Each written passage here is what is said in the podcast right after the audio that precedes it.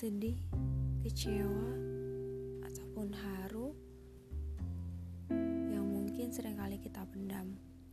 Tapi apa salahnya jika semua itu kita ungkapkan?